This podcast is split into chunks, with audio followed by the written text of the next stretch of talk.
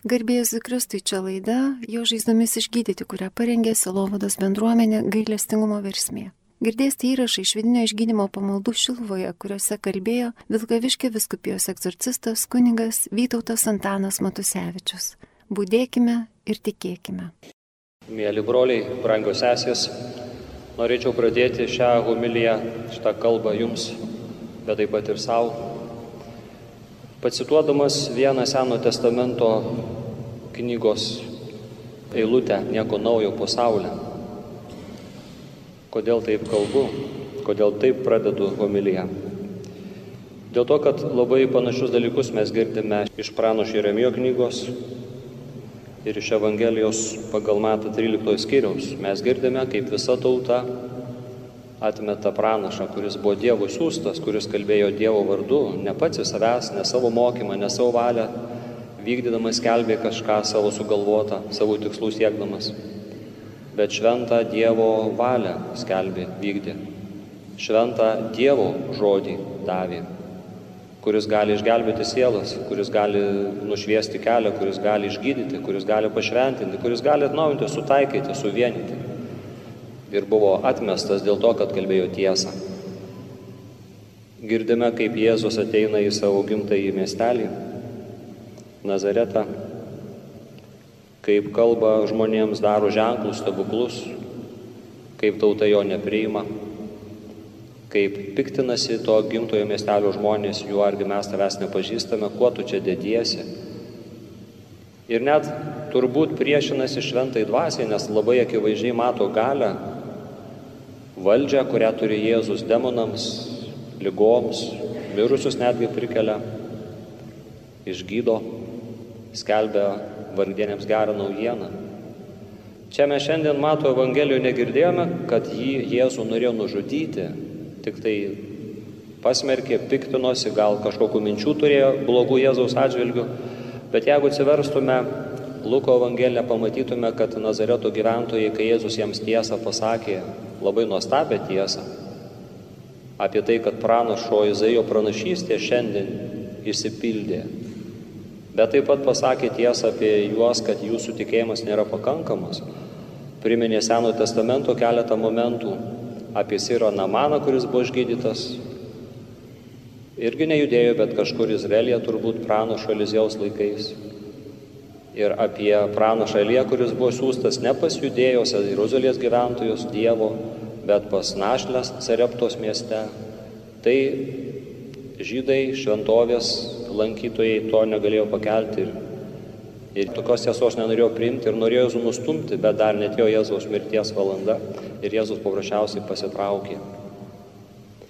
Ką jaučia Jėzus ir ką jaučia Dievas, kai jo pranašai nuvertinami, kai jo žodis sviedžiama šalin, kai jo žodį žmonės neįsiklauso.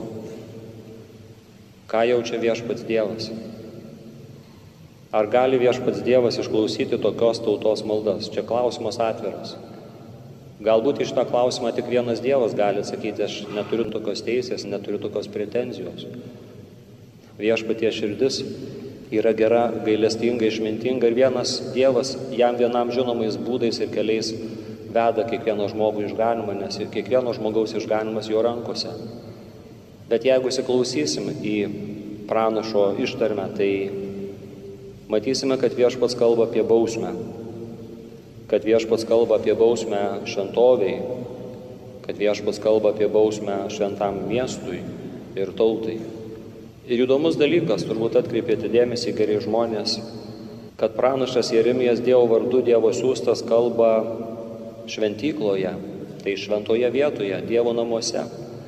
Ir ten susirinko anaip tol ne prašaliečiai, bet šventovės tarnautojai, kunigai, pranašai. Ar tikri tie pranašai ar netikri, čia kitas klausimas. Vėlgi Dievui spręsti ir tauta. Tai, sakykime, religingi žydai, pamaldieji, kurie turbūt laikė save tikinčiais, ištikimais ir turbūt laikė teisėjais, Dievo žmonių akise. Bet jeigu mes paklaustume Dievo, kaip tu juos vertini viešpatė, kaip tu juos žvelgi ir tau jie patinka, tai šiandien pranašai Remijo knygos žodis rodo, kad Dievui tai nepatiko, jis norėjo, kad tauta atgailautų. Bet bendrai kiekvienas pranašas, jeigu jis yra tikras pranašas, ir jeigu kalba Dievo vardu, jeigu kalba Dievo siūsas, jisai kalba pirmiausiai apie atgalą, apie atsivertimą. Pažiūrėkime Joną Krikščitoje, koks buvo jo Evangelijos gerosios žinios turinys. Atgailaukite, atsiverskite, tarp jūsų stovi, kuriam aš nevertas atrišti kurpių dirželių. O kaip Jėzus pradėjo savo viešą veiklą? Jis irgi sakė, prisertino Dievo karalystę, atsiverskite ir tikėkite Evangeliją. Ir kartais mums, kunigams, būna sunku pripažinti, kad man reikia atgailauti. Mes kartais save pateisinam, taikom savo dvigubus standartus, save pateisiname, lengvatas visokias išrašome. Kitaip sakant, į savo nuodėmę žiūrime per turbūt tolinamą binoklio galą, o į kitų žmonių klaidas kaltę žiūrime per artimąjį stiklą.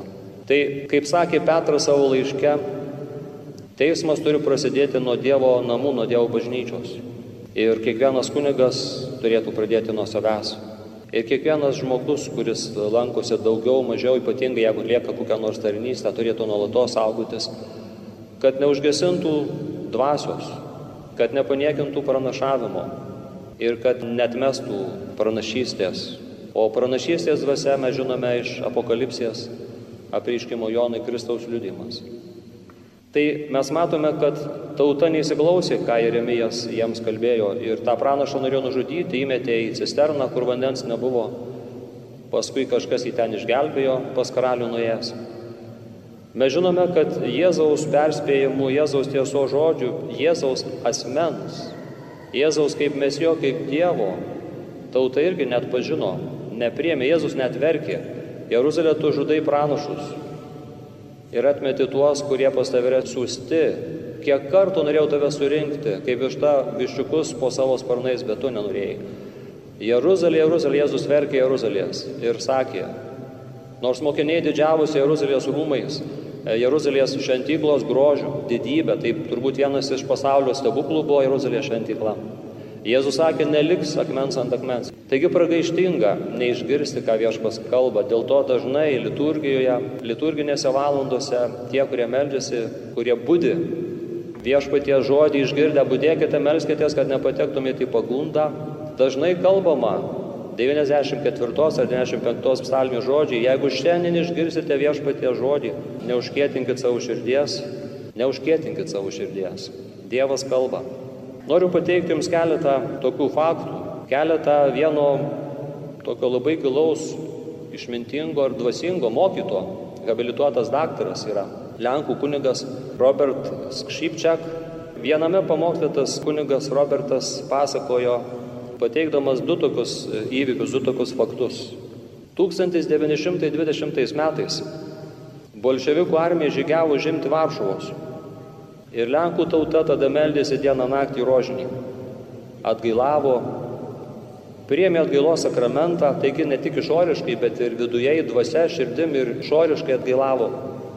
Ir įvyksta taip vadinamas Vyslos stebuklas. Lenkijos kariuomenė nugali penkis kartus skaitlingesnę raudonąją armiją. Ir Lenkija, bet ne tik. Ši valstybė, visa Europa praktiškai dėl šitos Lenkų tautos kovos, pergalės, bent trumpam laikui apsaugoma nuo to raudonojo maro, nuo komunizmo pavojaus, nuo sovietinės invazijos.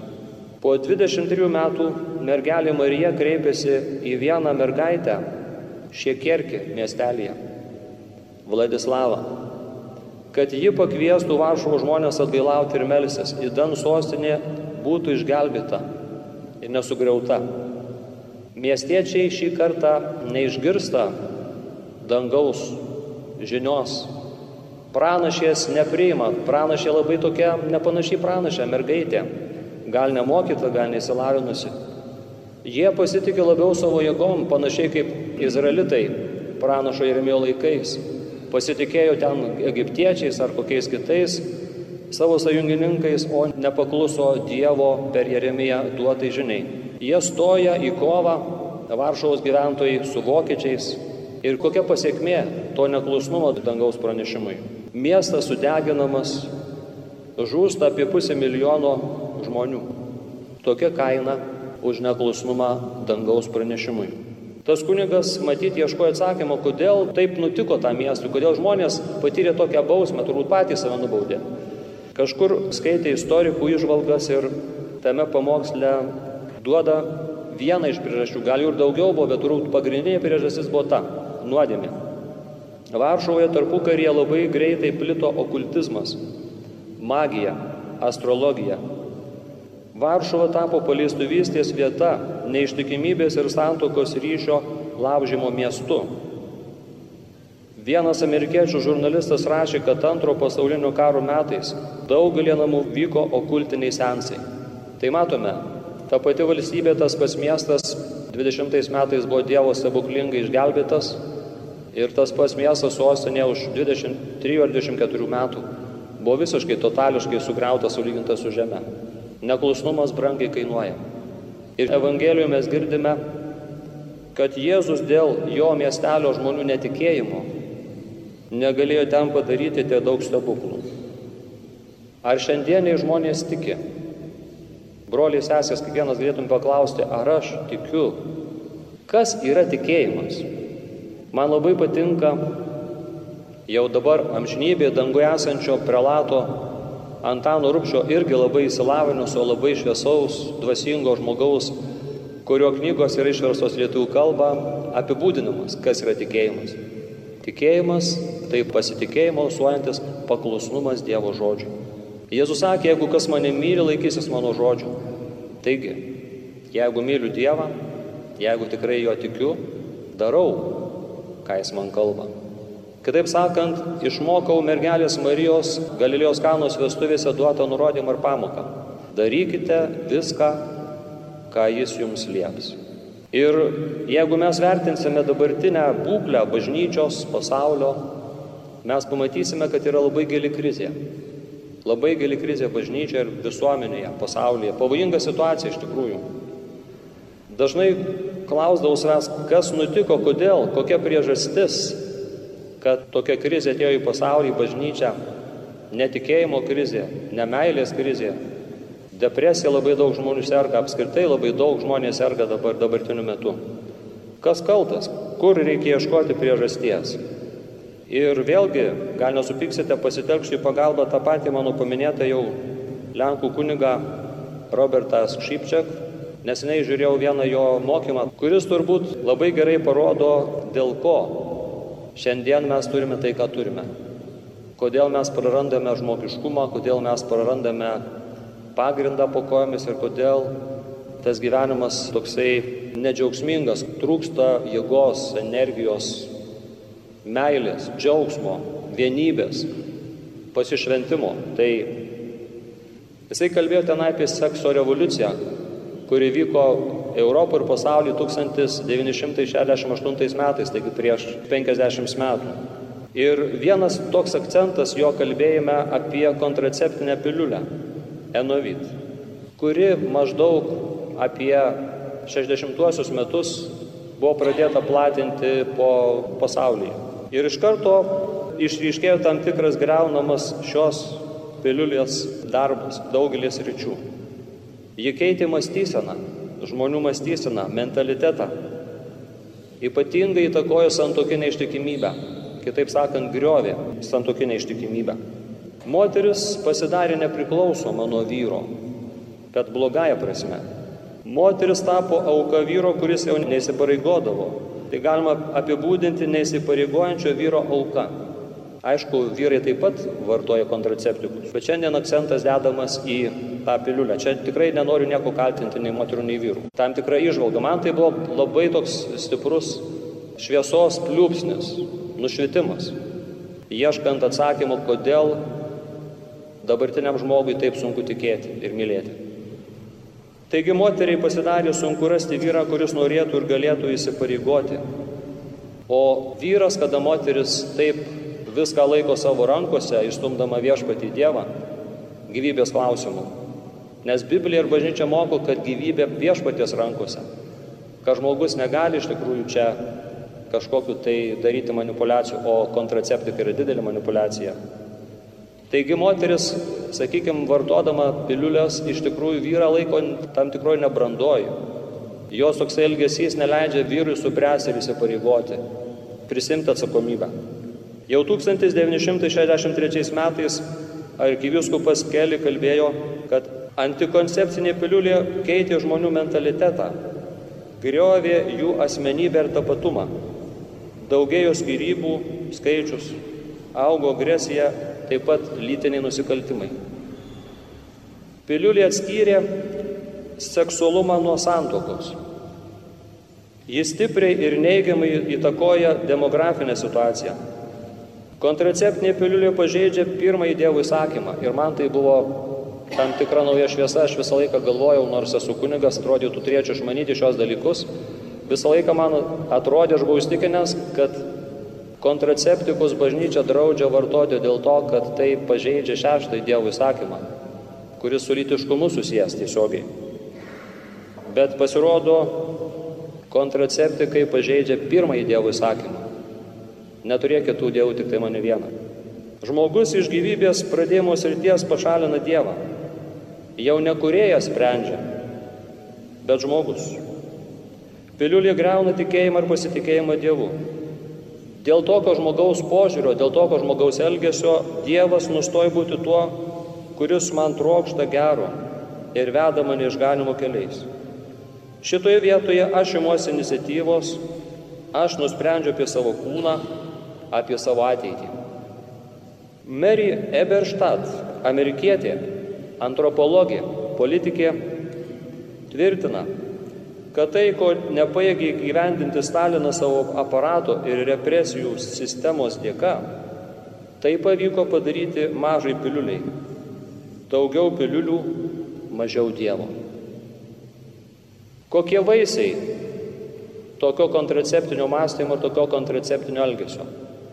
Kas nutinka, kai Dievas pašalinamas iš namų, mokyklų, viešų erdvių ir žmonių širdžių? Tai matome šiandieniuose jaunuose žmonėse, kurie ypatingai gundomi tapti ir būti vartotojais. Jie nelinkia nieko atsižadėti, nenori niekam pasišvesti. Ne visi, bet daug tokių jaunų žmonių. 1968 m. kultūra visiškai sugriovė žmonėse natūralų poreikį saugoti apribojimus, auką ir ištvermingą tikslo siekimą. Kokio tipo žmogų išrūkdė tų metų revoliucija? Žmogų, kuris išmoko nepasitikėti nieku išskyrus vienu dalyku. Jis tiki tik įskirtinai savo spontaniškų instinktų.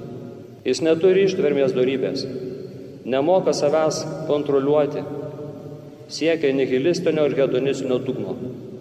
Nauda tampa vieninteliu tikslu. Jis nesugeba mylėti, yra nepaigus užmėgsti ilgalaikius santykius. Ir dažnai jauno žmogaus tikslas vartojimas. Dažnai jaunam žmogui trūksta kantrybės. Kodėl? Nes niekas jų neišmokė dvasinės kovos menų ir to, kaip nugalėti savo egoizmą. Niekas neišmokė mylėti meilę, kurio dovanojama savęs. Jie labai vieniši. Jų širdise tikuma. Jiems labai reikia išganytojo ir išgelbėtojo. Jiems labai reikia naujosios evangelizacijos. Tokios mintys nuskambėjo to kunigo Roberto Škšipčiak mokyme konferencijoje. Mes čia kalbėjome galbūt šiek tiek liūdnokai, galbūt gali pasirodyti pesimistiškai šiek tiek apie nihilizmą, apie tuštumą, apie dykumą. Iš tikrųjų, jeigu būsime atviri, mes kiekvienas turime tų dykumų savyje. Kiekvienas esame sužeistas, kiekvienas nemokame ar bijome mylėti. Kiekvienas bijome kartais išeiti iš savo slėptuvių, bijome rizikuoti. Kiekvienas. Neseniai pamačiau, kad mano ir parapiečių santykis galėtų būti kitoks. Toj parapijai, kur aš tarnauju. Man norėtųsi, kad žmonės turėtų stipresnį tikėjimą. Mane padrasintų, nes kunigams irgi reikia padrasinimo. Mylėtų mane, žinoma, mylėtų ir Jėzų. Bet taip pat pastebėjau, kad ir man reikia šitoj vietoj dar daug ką pakeisti. Turėčiau labiau mylėti žmonės, turėti daugiau nuolankumo, labiau pasišvesti. Ir supratau, kad nei parapiečiai, nei aš patys savo jėgom nepasikeisime. Reikia Dievo malonės. Ir todėl nutariau kalbėti šią intenciją Pompėjos novena. 54 dienas melstis, rožinį tris dalis.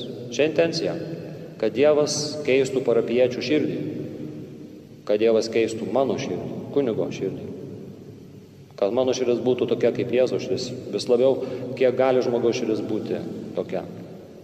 Viena moteris, matyti irgi pamačiusi mano ribotumą, mano silpnumą, nutarė melstis ne Pompėjos novena, bet mergelės Marijos mazgų išrišėjos novena. Ir maždaug mano malda ir tos moters malda baigėsi tuo pačiu metu. Pastebėjau, kad Dievas davė man tam tikrą malonę. Daugiau drąsos, daugiau noro įsipareigoti, daugiau meilės parapiečiuose ir savyje. Malda turi galę. Dievas trokšta keisti situaciją. Dievas trokšta gydyti širdį. Tai dėl to, broliai sesės, noriu drąsinti jūs, nebijokime melstis, įsipareigoti maldai už save ir už kitus. Nebijokime kartais nusižeminti ir pripažinti, kad kažko nesugebu, kažko nemoku, kažkas viršyje mano kompetencijos ribas peržengia. Nebijokim parašyti vieni kitų pasimelstų žmonės ir viešpati Dievą nebijokim prašyti, kad pasimelstų. Kokia galėtų būti šiandien mūsų malda už pasaulį, už kunigus, už popiežių, kardinolus, vyskupus, ypač tarnaujančių žmonės. Turbūt, kai papašlai prašė Jėzų viešpatį sustiprink mano tikėjimą, sustiprink viešpatį mano tikėjimą. Todėl ir aš melžiuosi už jūs, kurie čia esate ir kurie klausote, kurie dalyvaujate Jėzaus aukoje, Jėzaus pergalėje, Jėzaus mirties ir prisikelimo sudabartinime. Viešpatie sustiprink mano tikėjimą. Viešpatie sustiprink visų mūsų, kiekvieno mūsų tikėjimą. Duok Jėzau tikėjimą, kuris veikia meilę. Duok Jėzau tikėjimą, kuris veikia meilę. Amen.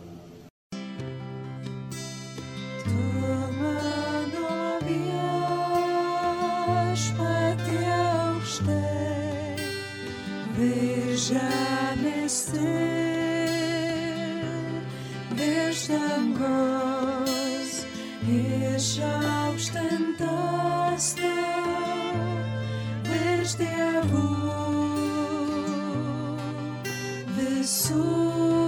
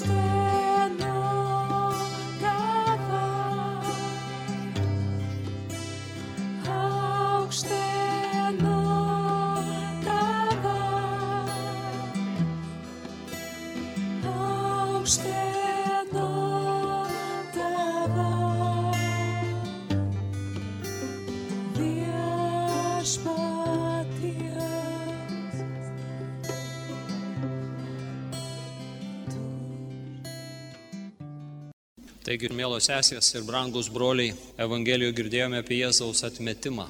Ta žodis atmetimas nebuvo pasakytas, bet mes matome, suprantame, kad Jėzus buvo neprimtas, atmestas. Tų žmonių, kurie Jėzų tarėsi pažįsta. Biblijoje dažnai mes matome tokius nutikimus, kada Dievas yra atmetamas arba koks nors pranašas atmetamas. Ir žinome, kokie pragaištingi to atmetimo padariniai būna, pavyzdžiui, pranaša Jeremija.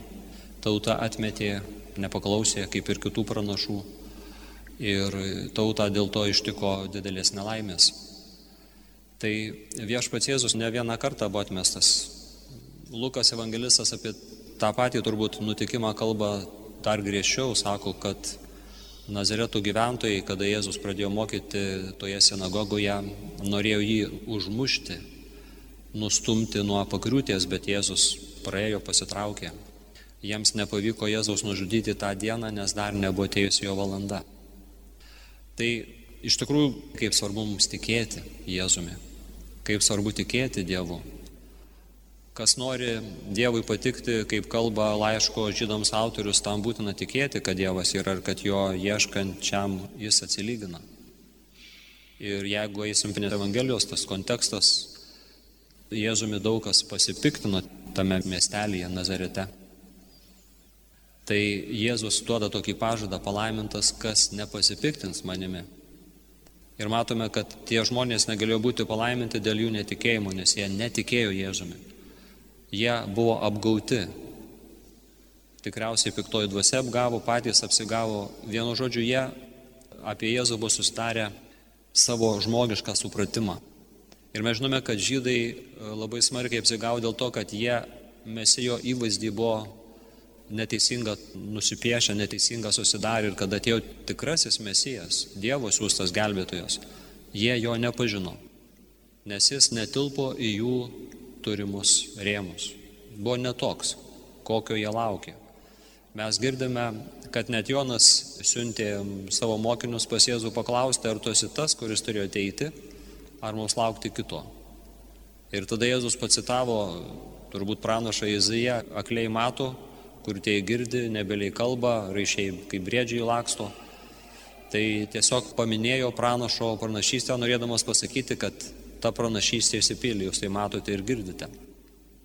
Mes irgi labai dažnai apsiprantame ir tariamės pažįsta Dievą. Mes irgi dažnai patenkame į drungnumo pinklės, prie to dažnai prisistato net ir tam tikros dvasios, akėdijos dvasia, puikybės, pykčio dvasia. Kai žvelgiame į šiandien Jėzaus amžininkus, tai mes matome, jie turi nemažai pykčio, Jėzus tą kartą vadino pikta, nelaba karta. Ir to žodis pasipiktinti, tai irgi, kaip matome, tos pačios šaknies kaip, kaip ir piktis. Bet taip pat ir pasipiktinti nuo žodžio ne tik pykti, bet ir piktas.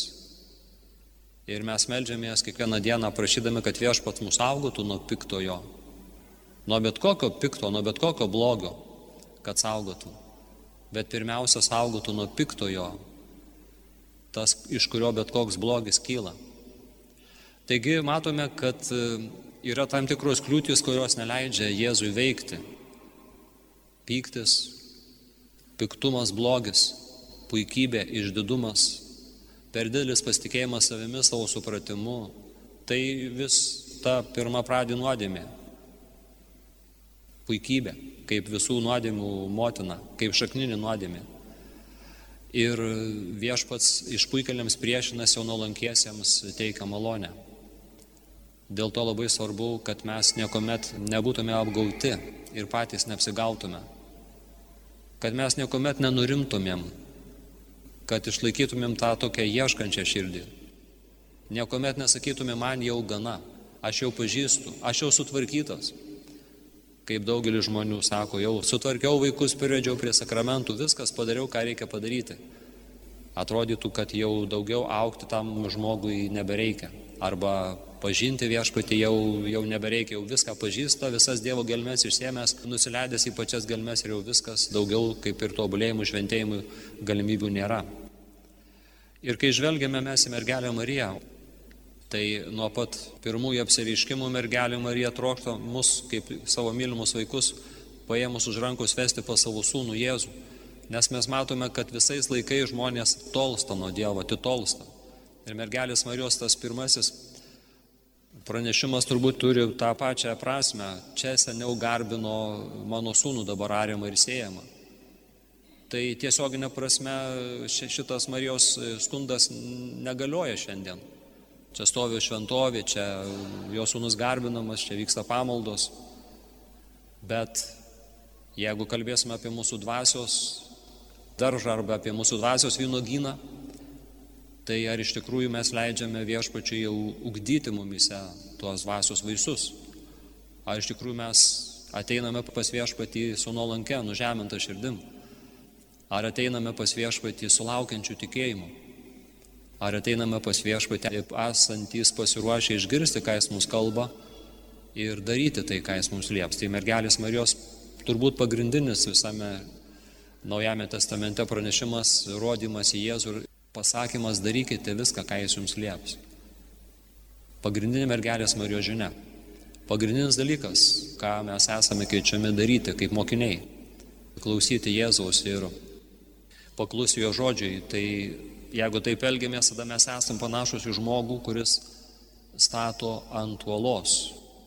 Nes tas žmogus, kuris ateina pas Jėzų, kuris klauso jo žodžių ir jos vykdo, yra tas, kuris stato ant olos, kai ateina sunkumai, išmėginimai, tas žmogus išlieka, to žmogaus namas nesugriūna. Ir toksai žmogus gali duoti teisumo vaisių, toksai žmogus gali pažinti Dievo dvasę, toksai žmogus gali priimti, atpažinti, kaip Dievo dvasia veikia, kaip Dievo dvasia veda. Jisai girdi, nes jisai klauso ir jis paklūsta. Tas paklusnumas jis yra labai svarbus. Tai kai matome keletas dalykų, nutilti, pripažinti, kad man reikia viešpaties, pripažinti, kad aš nesuprantu, pripažinti, kad aš daug ko nemoku, nepasant kunigas esu ar pašvesto gyvenimo žmogus, ar daugybę metų tarnautis, vis tiek aš lieku vaikas, vis tiek aš kiekvieną dieną, kiekvieną minutę turiu būti Dievo mokomos. Nes Dievo vaikai yra vedami Dievo dvasios. Tai nutilti įsiklausyti, kad išgirščiau, o išgirsti svarbu, kad galėčiau paklusti. O jeigu paklūstu, tai vadinasi myliu. Ir jeigu myliu ištoriu toje meilėje, išlieku toje meilėje, ištikimybėje, tai tada tie pažadai, Dievo pažadai, jie gali tapti mano nuosavybė, gali tapti mano tikrovė, nes pažadus paveldė ištikimieji, ištvermingiai. Kai matėm, kurie nesipiktina Jėzumi, kurie tiki juo, Šiandien prisiminiau vieną istoriją, kurią perskaičiau sesės Brič Makenos knygoje Stebuklai šiandien vyksta. Esu keletą kartų dalyvavusios rekolekcijos jau prieš kokią 25 ar 26 metus. Paskui ir tą knygą skaičiau. Tai vis man iškyla ir iškyla tie jos e, gražus Dievo meilės, Dievo gailestingumo aprašymai, liudymai. Ten jinai pasakoja vieną istoriją, kaip jai paskambino vienas kunigas Amerikoje, nes tas sesė daug metų gyveno Amerikoje, turbūt ir dabar gyvena. Paskambino kunigas prašydamas, kad jį pasimelstų, nes atstumai dideli, negalėt vykti kiekvieną kartą. Ir kai jinai meldėsi už tą kunigą, atėjo jai supratimas pasakyti jam, kad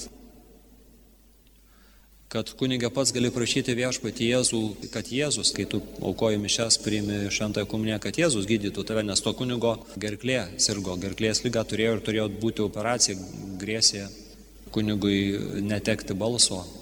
O žinom, kad e, kiekvienam žmogui netekti balso, tapti nebiliu yra problema, o kunigui to jo labiau. Gam sakyti, tai kunigo duona kalbėti. Pašaukimas pagrindinis kalbėti, būti Dievo pranašu, būti Dievo e, paslapčių dalintojų, atskleidėjų, mokytojų, mokyti. E, labai kuniga sujaudino tos sesės malda ir tie žodžiai, pats paprašyk Jėzų, kai aukojami šias, kad jis tave gydytų, nes jis savo kūno ir kraujo sakramentų liečia tavo balsą, tavo balso stygas. To kunigo tikėjimas, kad Jėzus yra švenčiausiame sakramente buvo tuo metu nusilpęs. Jam buvo sunku tikėti, kad Jėzus čia yra jis ne kiekvieną dieną aukojo mišes. Bet po tų sesės žodžių paliestas, e, sujaudintas, net ašaromis apsipylęs, buvo patrauktas e, aukoti šventasis mišes su naujų įkarščių, su laukiančiu tikėjimu. Kiekvieną dieną, galbūt net ir adoruoti švenčiausią karmentą pradėjo. Labai norėjau pasveikti. Labai laukė, kad Jėzus mane liesdamas šventais pavydalais gydys. Ir ateidavo į mišes tikrai sulaukiančių tikėjimų, panašiai kaip ta moteris, kuri 12 metų sirgo ir kuri išleido visus savo pinigus daktarams, bet niekas negalėjo jos išgydyti. Tai tas kunigas panašiai kaip ta moteris, liesdavo per šventas mišes, į savo rankas imdavo Jėzų ir iš viso širdies meldys Jėzau gydyk mane. Jėzau gydyk mane. Ir kada nuėjo pas daktarus, gydytojus, kai jau atėjo laikas jam jiems pasirodyti, gydytojai konstatavo faktą, kad tau jokio gydimo, jokios operacijos nereikia, mes tiesiog patvirtiname, kad tu esi kunigė visiškai sveikas. Nežinom, kaip tu pasveikai, bet tikrai žinome, ir tvirtiname, kad tu esi visiškai sveikas. O kunigas žinojo, kaip jisai pasveiko ir kas jį išgydė. Tai kokį sąlytį šitas e, sesės Britšio liudijimas turi su mūsų dienomis, konkrečiai su mumis, tiesioginį. Evangelija kalba apie tai, kad Jėzus dėl žmonių netikėjimo negalėjo padaryti stebuklų. Jeigu ten būtų žmonės su didesniu tikėjimu, tai Jėzus būtų daug, daug daugiau stebuklų padaręs. Ir man patinka vienos moters, bažnyčios daktarės, Teresės Avilietės pasakymas, kad kas iš Dievo laukia didelių dalykų, tas sako Dievui komplimentą. Ar mes laukiame iš Dievo didelių dalykų? Ar mes sakome viešpačiu Jėzui komplimentą? Mums patinka, kada mus pageria, kada mus įvertina, kai mus priima, kai mus gerbia, kai mus myli. Mes esam pašaukti irgi tą pagarbą, tą meilę vieni kitiems duoti ir vieni iš kitų gauti. Ir Jėzus mus myli, ir Jėzus mus priima, ir Jėzus mumis pasitikė. Ir Jėzus e, mus veda, ir Jėzus mus keičia. Ir Jėzus trokšta kad mes atsimokėtume tuo pačiu, nes jis mumis kiekvienu tiki, nors mato, kokie mes silpni, mato, kokie mes šiandien esame dar labai riboti, dar nepasiekę savo brandos, nepasiekę savo tos tobulybės, į kurią jisai mus kviečia. Bet Dievas žino, kad mes vieną dieną tapsime apvalyti, nuo nuodėmų išgydyti, tapsime tokie, kokius jisai mus pašaukė būti. Tai kitaip sakant, jisai tiki mumis ir laukia, kada mes pagaliau tapsime tokiais pasieksim tą atbaigą, tą tobulumą, tą šventumą. Bet viešpas taip pat trokšta, kad ir mes tikėtume juo taip, kaip jis mumis tiki. Sakytume jam komplimentą, lauktume didelių dalykų. Lauktumėm šiandien didelių dalykų.